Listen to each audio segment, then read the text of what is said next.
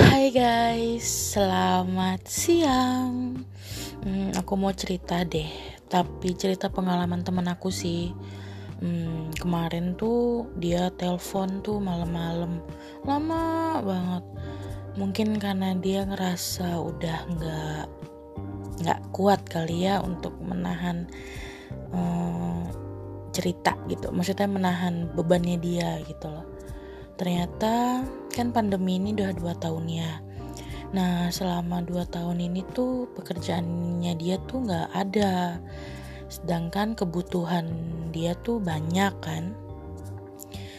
Terus dia cerita karena ada kebutuhan kayak rumahnya dia lalu anak lalu ada kebutuhan dapur lah Akhirnya dia memberanikan diri tuh senekat-nekatnya untuk melakukan pinjaman online atau yang namanya pinjol ya. Dan tadinya cuma satu katanya. Akhirnya karena nggak bisa bayar jadi gali lubang tutup lubang tuh. Dan yang bikin kaget adalah sampai saat ini uh, sudah ada 22 aplikasi guys. Hmm, aku cukup kaget sih karena nilainya lumayan banyak ya gitu loh. Sedangkan pemasukannya dia sampai saat ini pun nggak ada. Belum tentu lah ibaratnya. Untuk nutup itu kan butuh effort ya.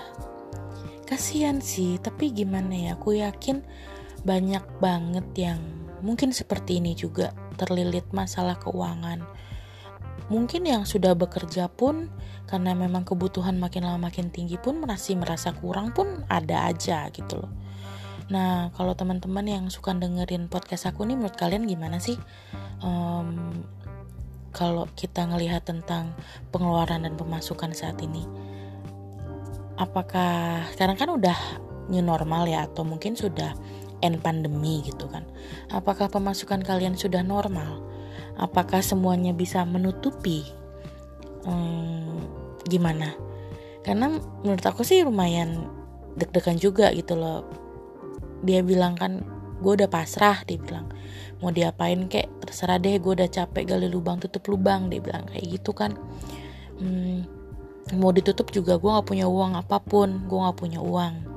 Usaha pun sekarang susah pekerjaan juga lagi susah gaji cuma segitu-gitu aja teman-teman ada nggak sih yang punya pengalaman yang sama?